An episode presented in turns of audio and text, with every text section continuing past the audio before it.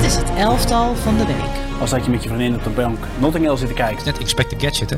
Ik heb eh, afgelopen weekend over voorassist gedroomd. Onnavolgbaar. Hij is weer ouderwets een absoluut statistieke monster. Dat is gewoon mooi. Dit is zo'n romcom. Van Suleiman en Jarno. Oh, we zijn al begonnen jongens. Het is dinsdag en deze tijd voor een nieuwe aflevering van het elftal van de week. Ik zat nog even in een eh, kleine tête-à-tête met eh, mijn grote vriend en collega Suleiman Oester. Goedemorgen trouwens. Tête à tête, ga je moeilijke woorden gebruiken? Tête-à-tête. Tête Oui. à tête. Ja. Jij spreekt Frans zoals Pieter de Jong Engels spreekt. Ja, goed hè? Ja. Ja. Nou, Maar leuk dat je er bent. Goedemorgen. Lekker geslapen? ik heb lekker geslapen, ja. Mooi. zo. Heb je zin in een nieuwe aflevering? Ja? Oké, mooi. Zullen we gelijk de doelman erbij pakken? Maar je neemt de mensen in de maling. Nee, helemaal niet. Maar het is helemaal geen goede morgen. Het is dinsdagochtend. Oké. Ja, Ja? Ja, is goed. Kom, we pakken de keeper erbij. En op doel eh, staat niemand minder dan Kelleher. Die eh, nou, speelde een sterke wedstrijd namens Liverpool. Die eh, met 1-0 te sterk waren voor Chelsea. Winnend doelpunt van Virgil van Dijk. Ehm, ja, welke save is jou het meest bijgebleven? Ehm, nou, ik heb niet specifiek een save met een naam erbij. Want het is Het waren er veel. twee, twee dagen geleden en het waren er ongeveer negen of tien.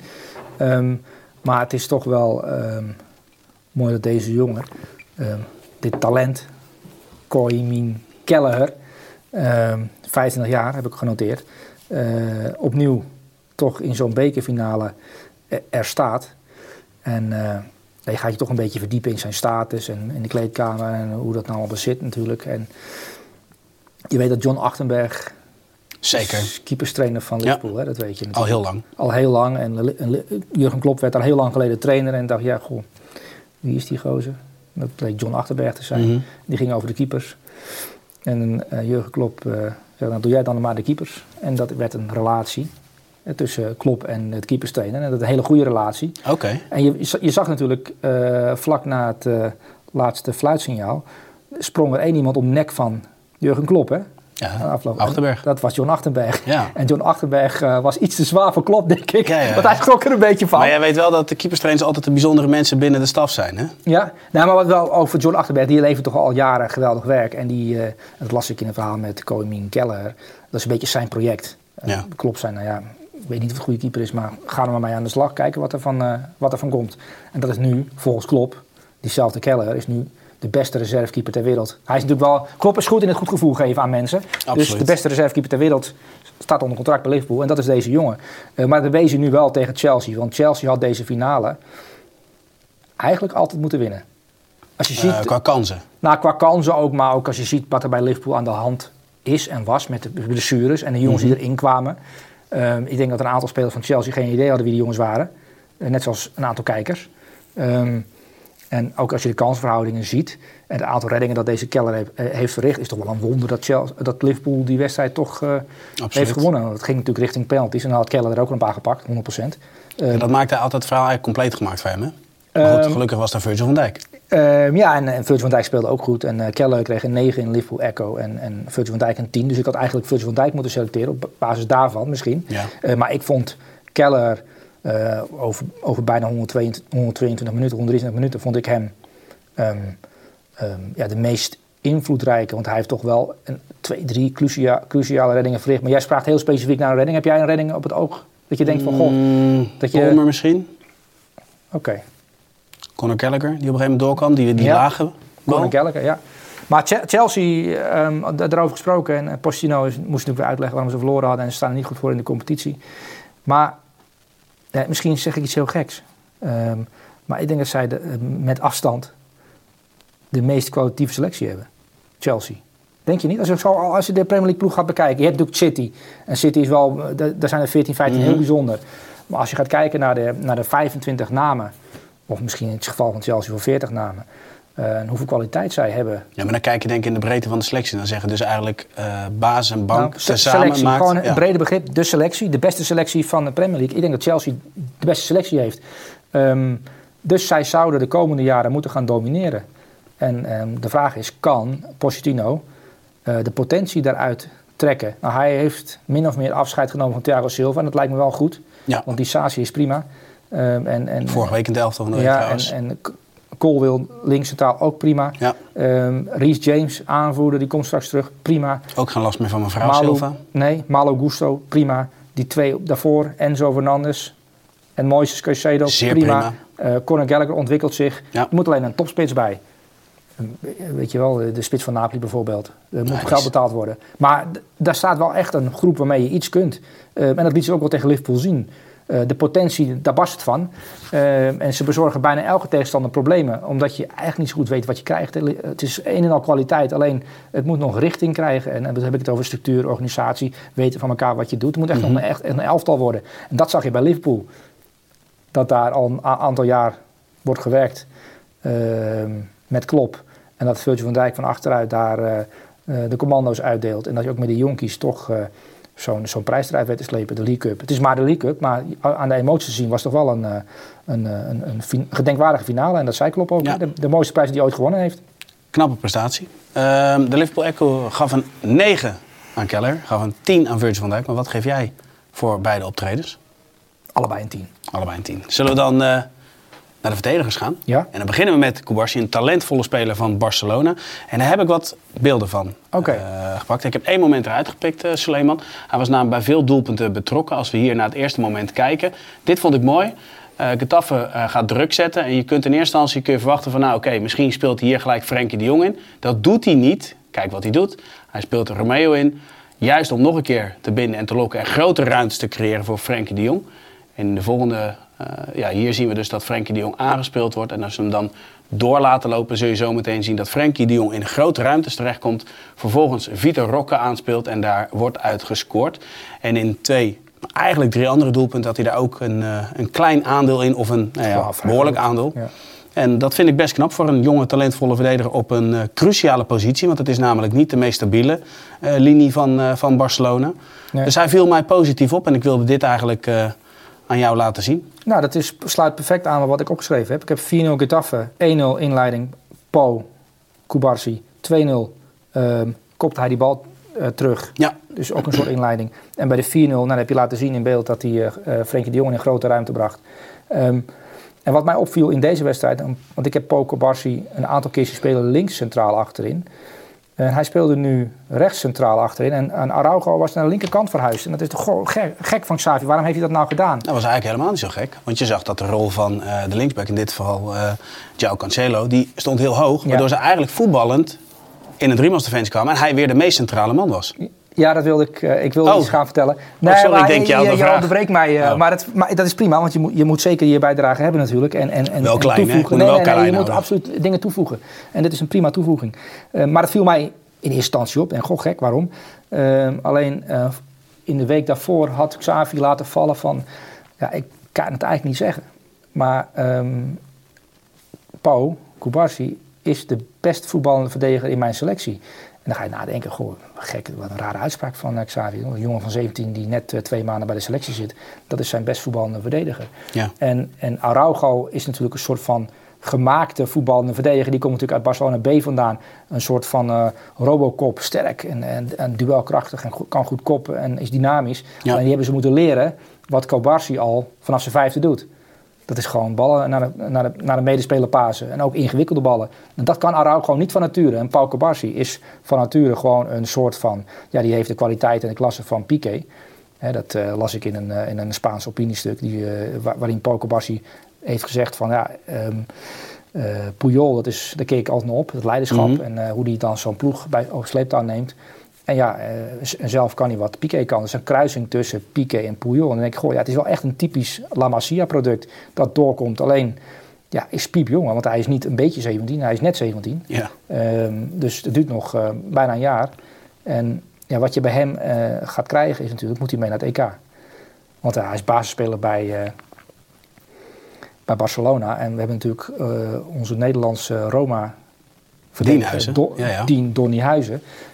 Die natuurlijk nu ook is genaturaliseerd tot Spanjaard en die met Jong Spanje eh, meegaat maar, in maart. Maar ook op de nominatie staat om naar de EK te gaan natuurlijk.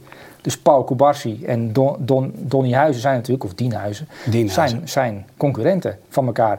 Maar ja, ze hebben de afgelopen jaren bij Spanje centraal achterin. Ik bedoel, in Nederland en Frankrijk komen we om in centrale verdedigers. Maar in Spanje is het een beetje lastig. Want ze hebben natuurlijk eh, Laporte genaturaliseerd. Ja. Eh, en die- ook Le Marchand heet hij geloof ik. Mhm. Nee, Le, Le Normand. Le Normand was natuurlijk ook, ja, een Franse naam, maar die is ook Spaans international geworden. Dus ze hebben, zitten daar dan dun in de verdedigers.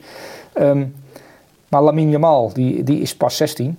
Eh, die is min of meer basisspeler Barcelona. En deze jonge Po ja, is eigenlijk ook niet meer te negeren door Xavi. Dat is wel bijzonder. Absoluut. Als je ziet de fase waar, waar Barcelona eh, in zit.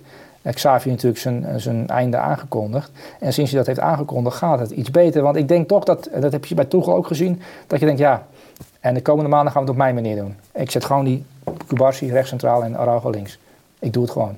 Ja, je bedoelt eigenlijk dat, je de veilige keuzes niet meer per se Nee, maakt. En dat je, dat je wat En meer risico gaat Dan nemen. zie je dat het elftal beter van wordt. Ja, nou, ik vond het echt heel leuk om naar te kijken. Ehm ze won uiteindelijk eenvoudig met 4-0 van Getafe. Wat voor cijfer krijgt hij voor zijn optreden? Een 9. Een 9. Want dan gaan Nou, we- maar deze die, die, die- als je een beetje de Catalaanse media volgt en al die kansen die je hebt. Eh, en voorzichtig wordt die namen eerst genoemd. En hey, er komt er weer een talent aan. Maar daarna de, uh, hij gaf echt een masterclass pasen tegen Getafe. Het was wel Absoluut. bijzonder om te zien wat hij, eh, hoe gemakkelijk hij dat eruit liet zien. Eh, als je de beelden erop kijkt, was paas na paas na paas na paas na paas. En heel bewust ook ehm, dat hij het spel vorm gaf. En het is voor Frenkie de Jong wel lekker dat er iemand is die die ballen ook durft te geven. Alleen ja, speelde Frenkie zelf een dramatische wedstrijd. Dat vond ik wel mooi trouwens, dat hij na afloop eh, eh, werd bejubeld als doelpunt te maken. Goede wedstrijd gespeeld. En ik zei, Frenkie, hoezo goede wedstrijd gespeeld? Ik heb een van de slechtste wedstrijden gespeeld van dit seizoen. En dan staat hij met zo'n trofee in je handen. Van ja, maar eh, zo kijk ik helemaal niet naar voetbal. Ik heb een echt ongelooflijk dramatische wedstrijd gespeeld. En dat is ook zo, want Paul heeft hem een aantal keer een bal aangespeeld. En dan sprong die ballen van zijn voeten af. Nou, dat moment wat we net zagen was ook een slechte aanname. Ja, slechte aanname. Ja, Frenkie zat er niet heel lekker in. Maar ik vind het wel verfrissend om te zeggen... ja, ik kijk niet zo naar voetbal, doelpunt te maken, het zal wel... maar zo kijk ik niet naar voetbal. Dat vond ik leuk om te zien, dat interview na afloop van Frenkie de Jong. Helemaal mee eens. Zullen we doorgaan naar de volgende verdediger? Want daar hebben we ook beelden van. Oké, Tenminste, ja, de vraag je is bent de verdediger. geweest. Deze Ja, ochtend. Ja, ja, ja, deze ochtend. Ja, ik moest vroeg opstaan. Ja.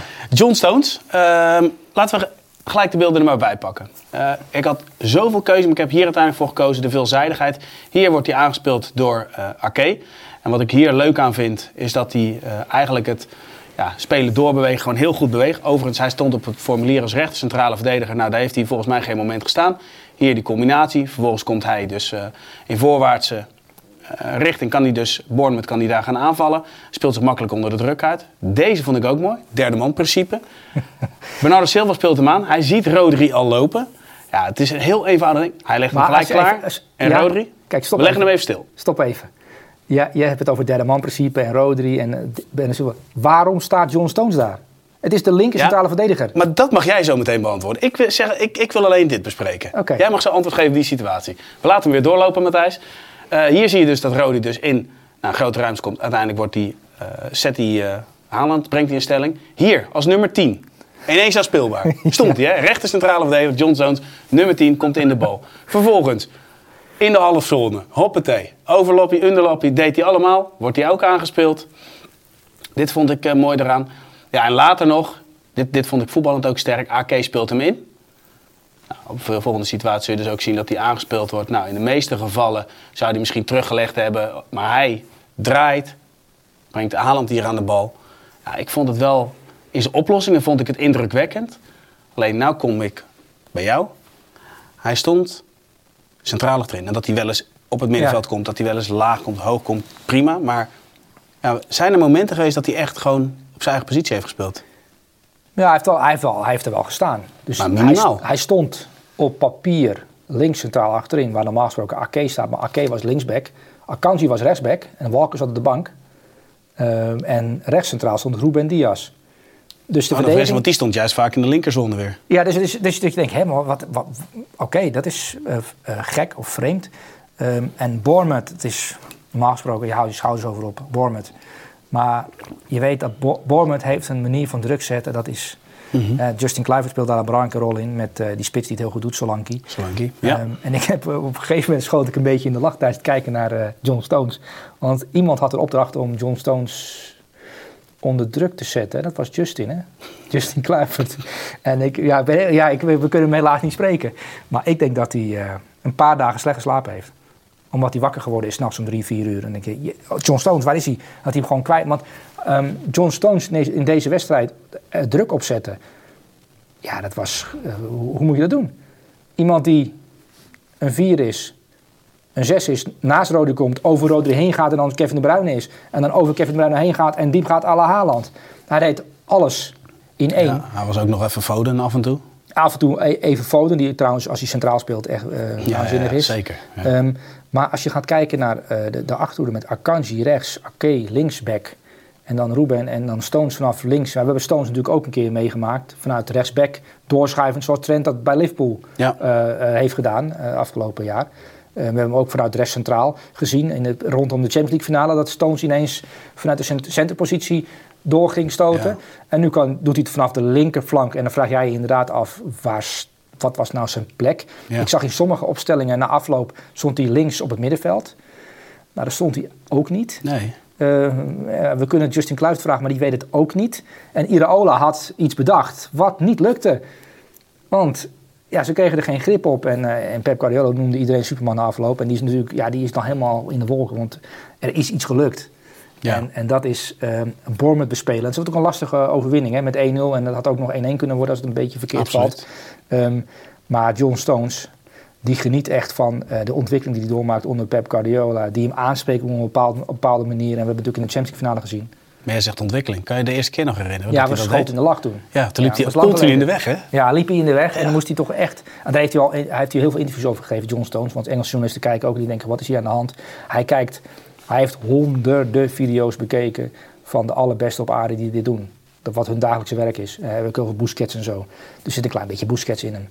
Hoe draai je weg bij een Ja. tegenstander? Hij is iemand die dat bestudeert. Ja, dat zag je dus eigenlijk in het laatste moment met Haaland. Dat hij dus, hij ziet de situatie al, draait goed in, goede paas. Ja, ja kijk, je natuurlijk John Stones ehm, is, ja, ik vind dat een fenomeen eh, op dit moment bij, eh, bij, eh, bij City. Ehm, omdat je ziet natuurlijk allerlei ontwikkelingen en eh, Pieter, zit daar natuurlijk, Pieter Zwart zit daar natuurlijk bovenop op tactische ontwikkelingen. En eh, Sam en jij trouwens ook met Jarno natuurlijk met de video's die je met Pieter maakt. En als er, als er, als er bij PSV Ajax of Feyenoord iets gebeurt, dan duiden jullie dat. Ehm, maar Pep Guardiola is een tijd altijd een klein beetje vooruit. Want ehm, Hanko of Belen of nou, Ajax durf ik even niet te noemen op dit moment. Want Sutolo, als je dit aan Sutolo gaat voorleggen. ik ben wel blij dat je Bele even noemt. Dat wordt ook een fenomeen. nou ja, ha- afhankelijk van wie, de trainer, wie zijn trainer wordt. Ja, helemaal eens, maar indrukwekkend toch Ja, wat hij ja, tegen. Roma liet zien. Ja, indrukwekkend. Maar John Stones is ehm, ja, iemand die... Zou Bele een Stones kunnen worden als hij de juiste trainer heeft? Want in, in, even, even gewoon de voorwaarden pakken. Hè? Gewoon de basis van Stones en de basis van Belen. Dan denk ik dat voetballend Belen misschien nog wel verder zou zijn aan het begin. Oh, we gaan dan, nu... Ja, we, ik snap wat je... Ja, ik, ik snap heel goed Nee, wat je... Ja, beginpunt, klopt. eindpunt. Dat, daar wil ik naartoe. Als ik John Stones terug in de tijd werp, is het Belen. Laat ik het zo zeggen. Dus vanuit daaruit kun je doorredeneren dat... eh, ik wou zeggen Giel Belen, maar hij heet Thomas. Ja. Thomas Belen kan een John Stones worden. Absoluut, 100% ja. ja. Daar heeft hij een speciale, speciaal talent. En daar heeft hij in VI eh, een leuk verhaal met hem gestaan. met Martijn daar net Ja, geschreven. dat is echt een mooi verhaal. Dat, eh, Ja. over, over zijn ontwikkeling en dus Dick Schreuder en bij Zwolle en zo. Dat zei van ja, dit En die zetten we ineens in een driemans defensie. ja, dit is een speciale. En je ziet nu ook dat hij, dat hij de apotheker eruit uit aan het spelen is bij Feyenoord. Trauner. Ja. En, ehm, en ja, dat- is een, een inter- interessante ontwikkeling van Belen. Ik bedoel, we hebben het altijd over oranje en zaken en zo. Dat moet je helemaal niet. Maar als je gaat kijken naar wat Belen kan. Alleen het is helaas weer een centrumverdediger. En dat, ja, Ja. ik weet niet of, eh, of Belen ook nog een, eh, een, een, een, een Marokkaanse of Duitse of, eh, of Zwitserse oma heeft of zo. Dat hij dan even, even op een ander land kan spelen. Want ja, het wordt lastig. Dat wordt zeker lastig, ja. Je kan niet, ja, je kunt niet elf centrale verdedigers opstellen in een eindronde. Nee, maar goed, eh, Stones, hè, die kan je ook wel ergens anders John neerzetten. Stones is, is, is echt een, een experience. Vind, ik vind het nu een experience. Eh, Als je mij vraagt voor wie zet je de televisie aan, voor John Stones, dat schiet iedereen in de lach. Ehm, en ja, het is toch wel iets, iets merkwaardigs wat er bij, met hem aan de hand is. Een, een, want hij is niet op een positie te zetten of te plakken. Ehm, het is een verdediger ehm, die hele gekke dingen aan het doen is op het middenveld. En heel belangrijk is voor hoe eh, City functioneert. En ze hebben de treble gewonnen. Dan kun je zeggen, ja leuk. Maar ze kunnen nog een keer de treble winnen. Precies. En, en De manier waarop vind ik ook altijd hij belangrijk. ja, de manier waarop, maar ook... ehm, hij inspireert toch ook. Hij zet mensen aan denken. Hij zet niet alleen John Stones aan denken. Maar eh, als Arne Slot zit te kijken, de, goh, de John Stones. eh, eh, wa- waarom doet hij dat eigenlijk? Want je kan ook denken, laten we normaal doen. We spelen tegen Bournemouth. We moeten tegen Luton. Die week daarna is het derby.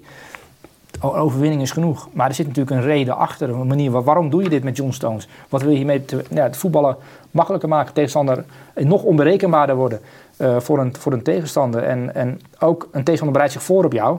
We gaan ze vastzetten. City. Want dat is Iraola zijn, eh, zijn specialiteit. We gaan de boel vastzetten. Ja, dat lukte niet helemaal. Want Justin Clive was toch aan het zoeken. waar John Stones eh, was. Ja, en wij hebben genoten. Ja, ik vond City wel eh, op een bepaalde manier wel, weer indrukwekkend. En dat is eh, altijd naarmate het einde van het seizoen nadert. Laatste weken, maanden. eh, en zeker nu, ze spelen echt alleen maar topwedstrijden de komende weken. Het is echt, je moet City eigenlijk nu elke week gaan volgen. En dan de keuzes achter. eigenlijk is het leuk voor jou, want je wilt natuurlijk trainer worden. Om dan, waarom speelt u nu met Akanji rechtsback en, en linksback? En waarom speelde, Rood, waarom speelde John Stones links centraal? En waarom speelt hij volgende week rechtsback? En dan de, de bewegingen erachter gaan proberen te zoeken. is een leuk project voor jou. Absoluut. Gaan we doen. Cijfer Stones een 10. Een 10. Ja, dan de laatste verdediger. Brent Wade. eh, speelde 1-1 gelijk tegen Brighton met Everton. Maakte een doelpunt. De situatie was wel grappig hè, met Pickford. De, vrije situatie, trap. de vrije trap, Ja. ja. Ehm, ja, kijk, de, de goal is leuk en hij maakt natuurlijk een, een goede goal. En ze komen met 1-0 voor en ze winnen die wedstrijd bijna. Maar wat mij opvalt is dat Everton is niet een ploeg die bekend staat om het voetbal van achteruit. Nee. Maar eh Gerrard Brentwaite heeft natuurlijk op PSV gevoetbald. Zeer leerzaam jaar voor hem geweest. Maar dit is een van de meest talentvolle verdedigers in de Premier League. En hij is pas 21 jaar. En wat hij nu bij, Everton laat zien... ehm, en ze hebben natuurlijk nu eh, het, het geluk dat ze een aantal punten terug hebben gekregen in de competitie. Dus ze gaan erin blijven. eh 100%. En dat is ook mee te danken aan uh, Jared Brentwaite. En dit is zijn laatste jaar bij Everton, of zijn enige jaar bij Everton. Ehm, want Wat verwacht je dan? nou, die gaat door een topclub gekocht worden. Topclub of subtop? Topclub. Voor, voor 80 miljoen of zo. Ja, want hij is echt nu op dit moment al zo goed. En ik denk dat Gareth Southgate aan het twijfelen is. En Gareth Southgate zit heel erg vast aan eh, personen waarmee hij heeft gewerkt. Met Harry Maguire en zo. Maar ik denk dat je het eigenlijk niet meer kunt maken ehm, om deze jongen te negeren. Dus je ziet de ontwikkeling die hij doormaakt nu bij Everton. Ehm, dit is gewoon een jongen die eh, bij de nationale ploeg thuis hoort. Dat heeft hij ook uitgesproken inmiddels. Hè. Dat voelt hij zelf ook wel natuurlijk. Eh, hij maakt een geweldige ontwikkeling door. Dat PSV-jaar bij hem, dat heeft eh, ervoor gezorgd dat hij ongelooflijk snel die stappen heeft kunnen maken. Ehm, is natuurlijk altijd een heel groot talent geweest. Ehm, hij heeft die lengte, en voetballend vermogen. En als je ziet hoe hij ruimtes, grote ruimtes kan afdekken. We hebben het over Mickey van der Ven de afgelopen maanden vaak gehad. Maar ik vind Jared Brentwaite in dezelfde orde van grootte vallen. Qua voetballend vermogen. Ehm, positioneel heel sterk. Misschien iets minder snel. Nou, 100% iets minder snel dan Mickey van der Ven. En die heeft echt het hele pakket. Maar dit is gewoon een jongen... Ja, maar dat echte voetballen moeten we nog, moeten we nog zien, toch? Want dat Nou, doet hij Everton kan natuurlijk minder. Hij kan echt goed voetballen, vind ik. Als je ziet het in details, zie je van, oké, hij kan echt goed voetballen. Ehm, vind ik persoonlijk, hè, dus je kan je natuurlijk over Mhm. Nee, nee, nee, maar ik bedoel meer te zeggen, kijk, Van de Ven zie je omdat hij in een voetballende ploeg Ja, ja, speelt. ja. En dat er bepaalde eh, afspraken zijn, of in ieder geval, er worden bepaalde zaken van hem verwacht. En dat is de vraag, dat is bij Everton natuurlijk niet het geval. Nee, maar ik weet 100% zeker dat hij gekocht gaat worden door een topclub. Daar durf ik echt, eh, durf ik mijn Fiat Panda op eh, in te zetten. Kijk, knappe ontwikkeling. Ja, Maar goed, cijfer voor Brent Wade. een 9. Een 9. Dan gaan we naar de middenvelders. We beginnen met Orkun Kukcu. Speelde tegen Portimonense. Klinkt trouwens als een eh, vrij dure club. Maar goed. Portimonense? Ja, Oké. slechte Leuke, grap. ja, hele slechte Ja, grap, ja. ja, ja. Eh, we hebben er geen analyse, want toch wil ik een paar eh, momenten met jou bespreken. Want hij speelde echt als nummer 10. En, en wat mij persoonlijk opviel is dat hij die, die connectie die heeft met Arsnes, met Di Maria. Eigenlijk in die korte combinaties, waar de rest van het elftal uiteindelijk profijt van heeft. En de vraag is? Nou, de vraag is, ben je het daarmee eens? Ja, ben ik mee eens. Oh, leuk. Ja, ehm, nou, maar eh, eh, ik las vorige week dat Orkun Kokcu, eh dat was bij Benfica problemen. Dacht ik, oké, merkwaardig. Want de beelden die ik heb gezien, de wedstrijden die ik heb gezien, dacht ik van, goh, en, en hoe je hem bij Feyenoord hebt meegemaakt, denk je, jeetje, dat Ja. kan toch niet in problemen zijn bij Benfica. Wat is aan de hand? Ehm, en dan ga je de laatste wedstrijden bekijken. En nu ook deze wedstrijd gaf hij natuurlijk twee assists, waarbij één assist natuurlijk de hele wereld over gaat, omdat het een Ja, geweldig balletje is op, Op op David Neres. Ehm, maar dan ga je zijn hele wedstrijd bekijken.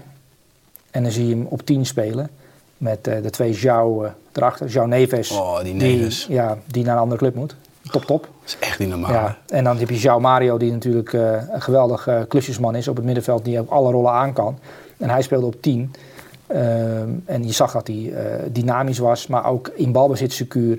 steekpases in huis had, zoals, zoals die assist op David Neres. Ik vond hem een vrij complete wedstrijd spelen. En ehm, ja, ik vind dat hij zich bij Benfica ook eh, geweldig aan het ontwikkelen is, die Orkun Kukcu. En natuurlijk heb je met, te maken met concurrentie en heb je te maken met, eh met João Neves en João Mario. En speel je misschien niet alles. eh, en heb je ook te maken met een blessure, daar moet je van terugkomen. Maar ik vind Benfica een van de leukere elftallen, eerlijk gezegd, in Europa. Heb ik het tegen jou gezegd. Maar ja. Smit heeft daar echt in, in- Het is een Portugese ploeg. Ze doen mee om de titel. Eh, ze hebben afstand genomen van Porto en ze doen het met Sporting doen ze mee met de titel. Eh, ik vind het gewoon een zeer interessante ploeg. En Orkun Kukcu maakt daar een geweldige ontwikkeling door. Eh, en nu zag ik hem op 10 spelen en dat deed hij echt heel goed. Ja. Heel dynamisch, eh, heel, heel vast ook. En Ja, normaal hij iets meer teruggetrokken, Ja. maar hij deed het echt uitstekend. En Ja. wat, wat ik zeg, de connectie met een aantal spelers, nou ja, Di Maria dan vooral in het korte werk, dat is wel echt leuk om te zien. Want dat is, het is heel frivol wat hij laat zien.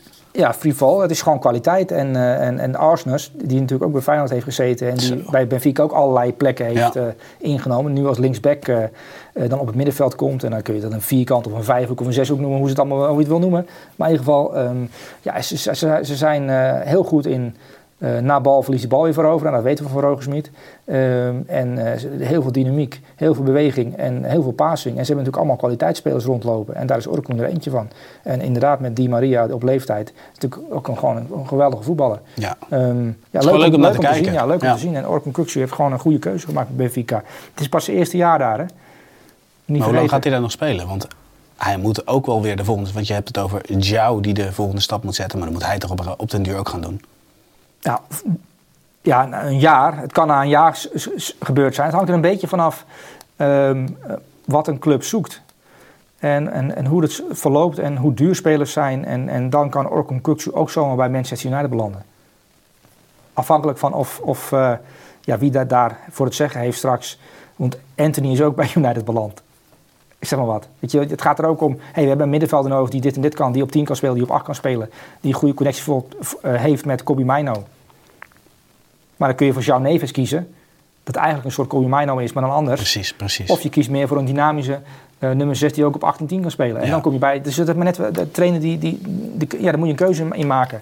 Klopt, Eh, ja. Maar Orkun Kukcu, ehm, er is van gezegd in zijn Feyenoord tijd, die kan de top aan. En Arsenal is natuurlijk ook, ook sprake van geweest. Nou, Benfica is die tussenstap. Eh, en misschien moet hij er twee, drie jaar over doet. En misschien dat het na een jaar die kans al komt en dat hij zich daar, daar eh, goed genoeg voor voelt. Maar ik denk dat hij nog een jaar nodig heeft. Nee, zeker, zeker. Ja. Maar op den duur moet hij ook weer de stap gaan maken. Ja, en er komt ook een EK aan natuurlijk met, eh, net met Turkije. Wat- ook, eh, wat ook wel eens uit de hand kan lopen. Je kan daar natuurlijk de grote ster worden, een halve finale, finale halen met een land onverwacht. En dan een stap zetten. Dat Ja. kan natuurlijk ook altijd gebeuren. Eens. Zoals Noah Lang zegt, als je de, fina- je de winnende maakt in de WK-finale, dan praten ze niet meer. Ja, ik heb eh, aflevering 1 eh, gekeken Oh. al. Oké, en? Eh, ja, Laat maar, eh, ja, is goed. We gaan naar de volgende Ja? speler. Orkun Oké. een 10. een 10. Dan gaan we zeker naar de volgende speler. En ja, heel eerlijk, eh, we hebben het vaker over. Van Leverkusen mis ik zelden een wedstrijd. Oké. En, en jij maakt natuurlijk elke maandag die fantastische show samen met Matthijs Vechter. Ja, Dus ik wil eigenlijk mijn moment van het weekend met jou delen. oké. Komt ie aan. We hebben een doelpunt van Tjakke. Prachtig doelpunt. En hij grijpt daar linksboven naar zijn hamstring. En ik schrok net als de trainer. Want als je... Kijk, hier is hij opgelucht. Maar het beeld vlak voor eh, de, de opluchting naam. Je ziet gewoon echt de schrik bij de bank van Bayer Leverkusen. Het zal toch niet. Hij maakt een doelpunt, grijpt naar zijn hamstring. De bank in rep roer. Dat is eigenlijk de situatie die geschetst wordt. Vervolgens gaan die spelers weg. Maakt hij een grappig dansje. Bank in de maling genomen. Vond ik een heel leuk moment. Maar ik had die, eigenlijk die, die, de schrik die je dan hebt als staf. Dat jij ook. Ja, ik dacht ook van ja, als hij ineens wegvalt. Nou, ik begrijp, ik snap de schrik wel van, eh van Xabi Alonso. Want het is natuurlijk de cruciale fase van het seizoen. En als Ezequiel Palacios is natuurlijk al weggevallen. Ja, En je hebt de spits die is weggevallen. Dus het is al een beetje eh, concessies doen in, in de ploeg. Hè. Andri speelde nu links en Chaka rechts. En normaal gesproken speelt Ezequiel. Palacios andersom. En dan, je moet je al een concessie doen. Ehm, nou, die spitspositie wordt nu anders ingevuld.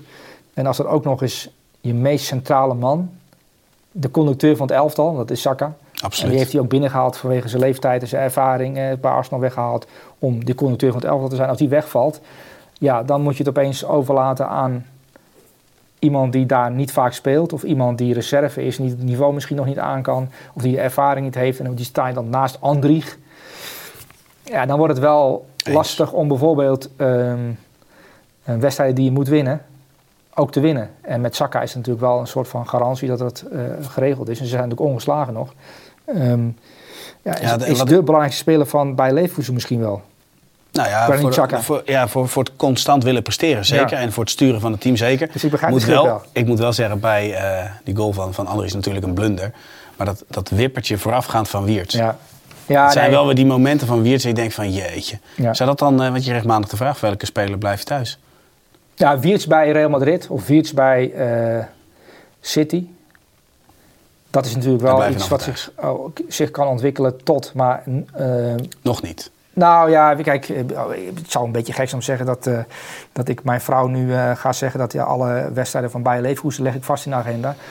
Ehm, dus dan, dat, is- dat is moeilijk onderhandelen. Eh, Messi is wel van een andere orde geweest. Alleen dat vergeten we soms een beetje. maar zijn we heb- zo, aan gewend geraakt. Ik heb jouw vrouw hier eh, leren kennen tijdens personeelsfest. Zij lijkt me heel redelijk. En volgens mij is daar Absoluut. prima mee te onderhandelen. Ja, ook zeker weten. Ik, als Als ik- jij goede argumenten hebt, ik heb wel het idee dat argumenten moeten zeer, eh, die zijn zeer belangrijk. Als jij met goede argumenten komt waarom jij vindt dat je niet van Wiertz mag missen, dan sluit ik niet uit dat je het voor elkaar krijgt. Nee, dat klopt ook wel. En nee, Maar dat is omdat je een redelijke vrouw hebt. Niet zozeer omdat jij het goed kan verwoorden. Jouw vrouw is gewoon zeer redelijk. ja, Toch? laten we dat, eh, laten we dat zo zeggen, ja. ja. Cijfer voor Chaka. Een 9. Een 9. Dan gaan we naar eh Jorginho. Dat is een middenvelder van Arsenal. Speelde tegen Newcastle United. Zonder met 4-1. Ehm, de paas op Martinelli. Is dat de voornaamste reden geweest? Nee, ik... Wat dan?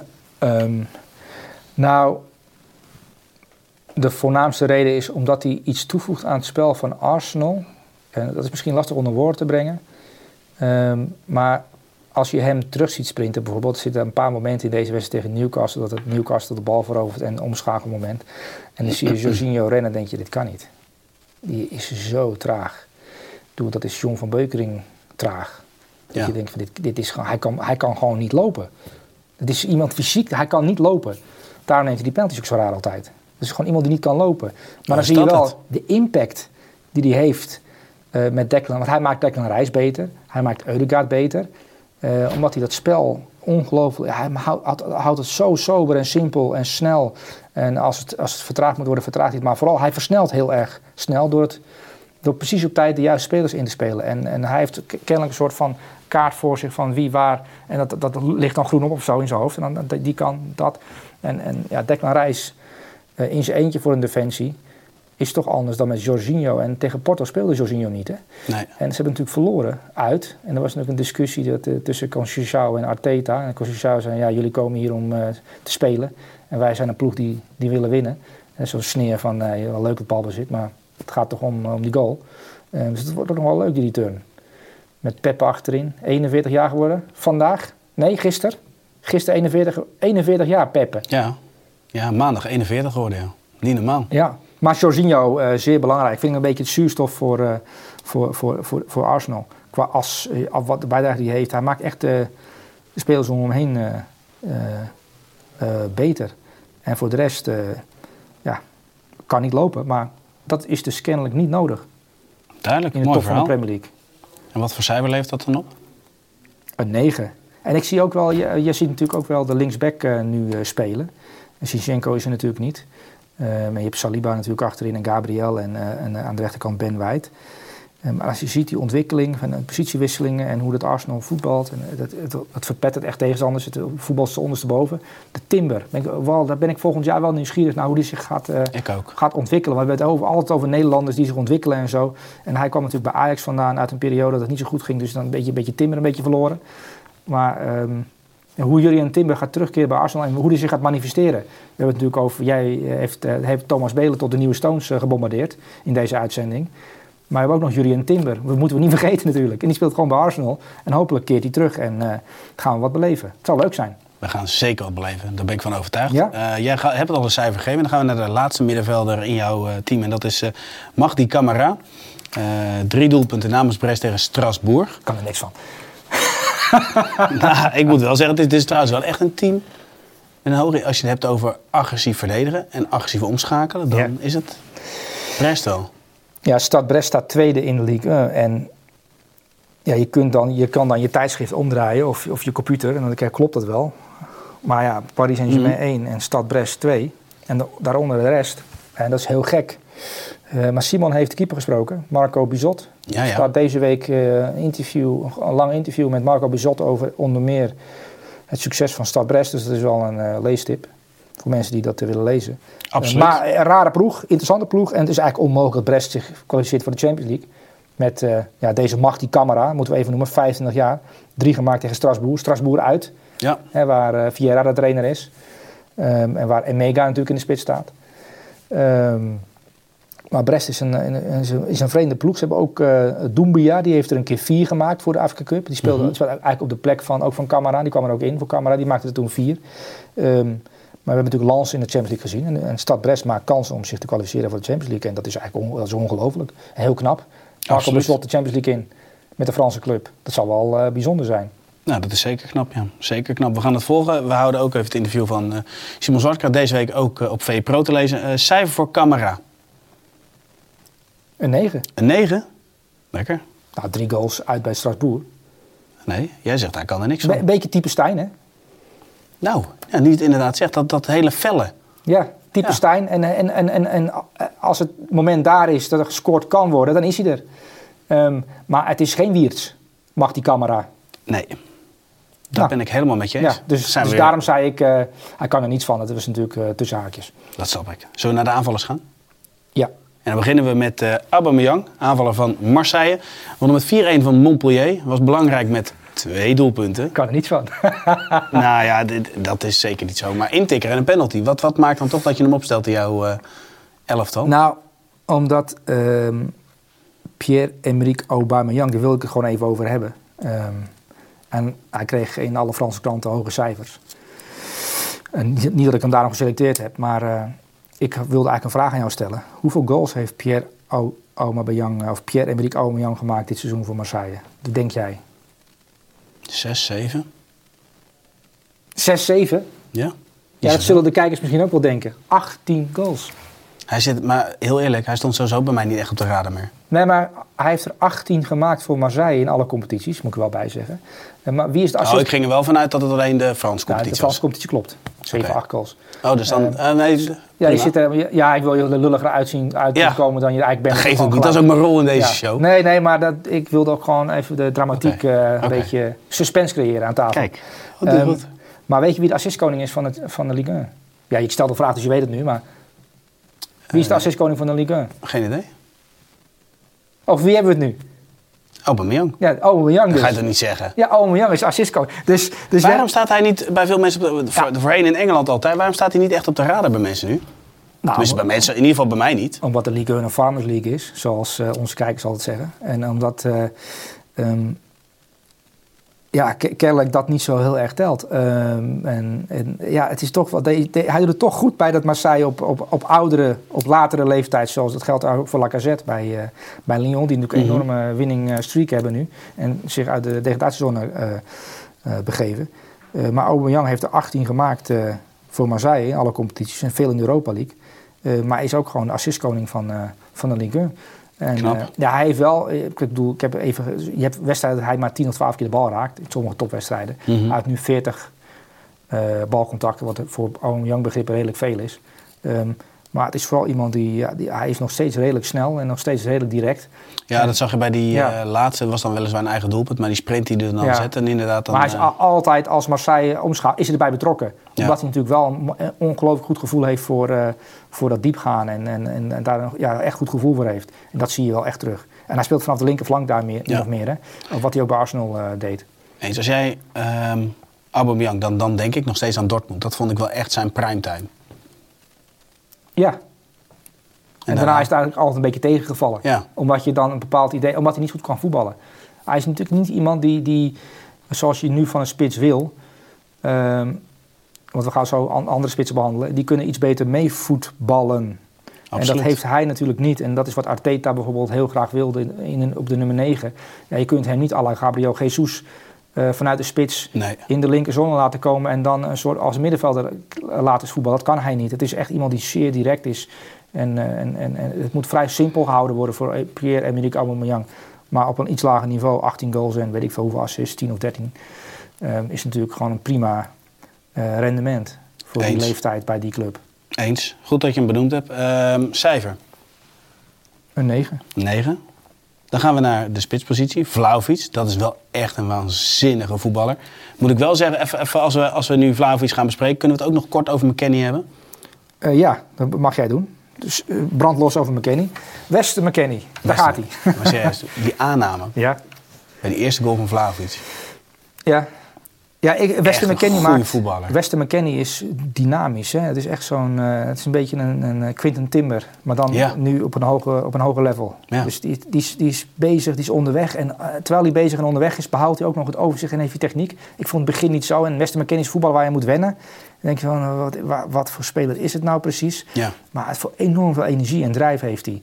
Ehm, en ja, het is wel leuk dat, dat Allegri daar een plek voor heeft gevonden binnen dit eh, geheel van Juve. Wat eh, door Frosinone eh, bij tijd en wijle wel werd weggespeeld. Maar goed, dat is een ander verhaal. Ehm, maar Dusan Vlahovic, ehm, een beetje een rare gozer misschien of zo. Een rare spits. Een beetje, Nou, mooie spits. Alleen, als je, als je dan ook hebt, we hebben het eigenlijk een tijdje niet over gehad. Nou, maar hij, ook moeilijk- hij heeft een moeilijke periode ge- eh, gehad. Dat hij niet scoorde en dat hij er niet uitkwam, dat hij op de bank zat, dat hij er niet in, dat hij er niet in kwam. Of dat hij er wel in, of uitgehaald werd en dat hij ontevreden was. Maar hoe bepalend vind je, want, want spitsen zijn uiteraard afhankelijk van doelpunten. Maar sommige spitsen kunnen ook een meerwaarde door de manier van, van spelen. En ja, ik schaar hem ook in die categorie. Door zijn manier Ja. van spelen is, levert hij sowieso een meerwaarde. Ja, hij is wel iemand die, Chiesa, als Chiesa speelt en spelen met twee spitsen. Ja. En met, die, met, die, met Kostic aan de linkerkant bijvoorbeeld en, en die opkomende mensen. Hij is wel iemand die eh, door Locatelli of door een centrale of Gatti bijvoorbeeld, dat hij gezocht kan worden. Mhm. Dat hij eventjes het spel eh, op stil zet, zodat hij, dat iedereen in positie kan komen en dat ze dan, dan kunnen doorvoetballen. Dat, Ja. dat kan hij. Dus daar zorgt hij wel voor. Chiesa heeft het veel minder. Die is toch altijd meer, meer in beweging richting de Precies, 16. ja. En Vlaovic is echt een, ja, ook een kapstok. En, en ja, een, een prima, een goede voetballer, maar die nu ook gewoon rendement heeft. Want hij is wel degene die met twee goals en assist gewoon bij alle drie de goals direct betrokken is. Eh, de tweede zelf maakt. Hij klimt nu op de topscorerslijst en is gewoon een van de beste aanvallers in, in de Serie A. En eh, ja, dit moet hij doorzetten, weet je wel. Gewoon eh, dit week in week uit eh, laten zien. Gaat er ook komen. Zeer periode profiel. bij Fiorentina was hij er ook eh weergaloos. Ja, ja, zeer interessant profiel. En eh, een goalgetter die ook nog goed kan voetballen. Dus prima spits. Mooi. Wat voor cijfer levert dat op? 9. Een 9. Dan gaan we naar de laatste aanvaller. En ja, wat mij betreft de beste aanvaller van dit weekend. In het best spelende elftal van Italië. We hebben Ja. het over Martinez. Won met Inter. Was weer belangrijk met zijn, eh, ja, met zijn doelpunten. En als je dan zijn doelpunten erbij pakt. Ik vond die loopactie uit de rug van, volgens mij was het in Touba. Dat zou kunnen, ja. Dat vond ik wel, hij is echt, dan, dan wordt hij op het laatste moment wordt hij gelanceerd. En dan is hij ook niet te stoppen. Ja, kijk, hij, hij is nu 26, Lautaro Martinez. En, eh, en hij is aanvoerder ook van, eh, van Inter. Maar het is echt een klasbak. Eh, het is nu gewoon, het product is af. En hij kan nu alleen maar iets beter worden. En, Ja. en nog beter in wat hij doet. Zoals Harry Kane natuurlijk ook heeft meegemaakt. Nu dat hij bij, bij Bayern München nog, nog meer dingen aan zijn spel toevoegt. Maar eh, Lautaro Martinez kun je aan elke trainer geven. En dan lost dat zich, het probleem, wat geen probleem is, lost zich vanzelf wel op. Want het is echt een... eh, ik schaar hem bij de beste vijf spitsen ter wereld. Je hebt natuurlijk Haaland en Mbappé. Dat zijn de twee Ja. die het tijdperk kleuren en bepalen hè, tot nu, op dit moment. Mhm. Ehm, maar als je gaat kijken naar spitsen, ehm Harry Kane heb je. Ja. Die er natuurlijk eh, ongelooflijk veel heeft gemaakt, 26 nu in de Bundesliga. Mhm. En die gaat richting de 35, 40 misschien wel. Ehm nou, Lautaro Martinez heeft er 21 gemaakt in de Serie A uit mijn hoofd. Misschien iets meer, 21 denk ik. Maar ja, ook gewoon compleet en echt een leider van deze ploeg. En ehm, ja, ook- Slim, ja, sluw. slim, sluw, maar ook eh, weten wanneer je in de 16 moet komen. De aanval gaat over rechts, Dumfries komt door bijvoorbeeld. Niet direct die aanval, maar wacht, wachten, wachten, wachten en dan pas gaan. Daar is je ook heel goed in. in, in het, op het juiste moment eh, de loopactie inzetten. Ehm, ja, ongelooflijk slimme spits die, eh, ehm, ja, die dat toch wel goed heeft opgepakt. eh, en ook wel moeilijke jaren heeft gehad in het begin. Eh, maar toen was ik nog jong. Heeft een goede ontwikkeling doorgemaakt. En op zijn 26 is er nu een van de beste vijf, zeg ik maar. Als je gaat kijken naar de nummer negens, Ja, de echte centrumspits. Echte centrumspits. Ja. bij de beste drie ter wereld, denk ik. Noem jij nog eens een betere? ja, Kane zit daar sowieso bij. Ja, Kane, Martinez. Haaland. Want, De ja, Haaland. en Mbappé vind ik ook meer vanaf de linkerkant. Ah, Ja, Mbappé wordt wel eh, leuk bij Real Madrid. Dan wordt het gaat- nummer ja. 9 en dan kijken wat daar gaat gebeuren. Ja. Dus, eh, maar Lautaro Martinez is echt eh, ja, geweldig, geweldenaar. En het is wel leuk dat, dat Simone Inzaghi en Inter, dat is echt een leuk elftal. En die staan nu redelijk wat punten voor in de Serie A. Die gaan kampioen worden. En dat is echt knap als je gaat kijken naar de voorgeschiedenis, het geldgebrek, de vertrokken spelers. En Davy Klaassen Mhm. speelt bij Inter. Dus bedoel, op de transfermarkt waar ze hebben geshopt, en Klopt. dat, die zijn gewoon bij Davy Klaassen uitgekomen. En daar moet Simone Inzaghi het mee doen. Ik bedoel, eh, Guardiola die krijgt een gids in handen van de allerbeste ter wereld en dan mag je een paar uitkiezen. Hè, Doku. Maar bij Inter komt bij Davy Klaassen uit en dan toch nog dit op de mat brengen, dat vind ik echt eh ja, petje af. Eh, en ook eh, de, ja, de ontwikkeling van Tsalonolu op 6, waanzinnig. De ontwikkeling van Dumfries, echt waanzinnig.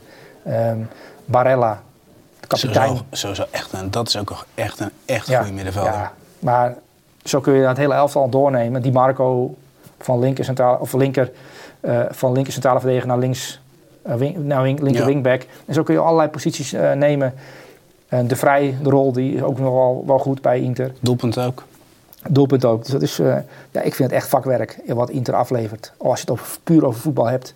Eh, maar dat vind ik gewoon leuk om te zien. En dat is Lautaro Martinez is daar, eh, ja, dat is nu al spits. Die is wel echt, eh, ja, echt goed. Denk ik meer vakwerk vind. Nee?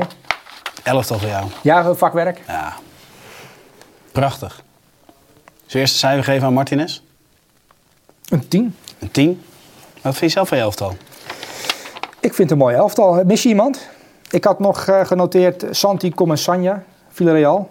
Die de plek van Parejo staat nu. Mhm. Moet we in de gaten houden. En ik had bij, ja, bij Bologna is ook wel elke, elke week wel een, een speler te noteren dat je denkt, goh. En ik had nu Giovanni Fabian, 21 jaar. Moeten we in de gaten houden.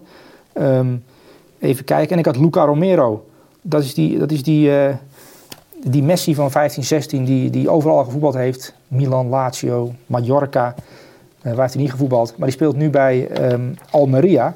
En die maakte twee geweldige goals tegen Atletico.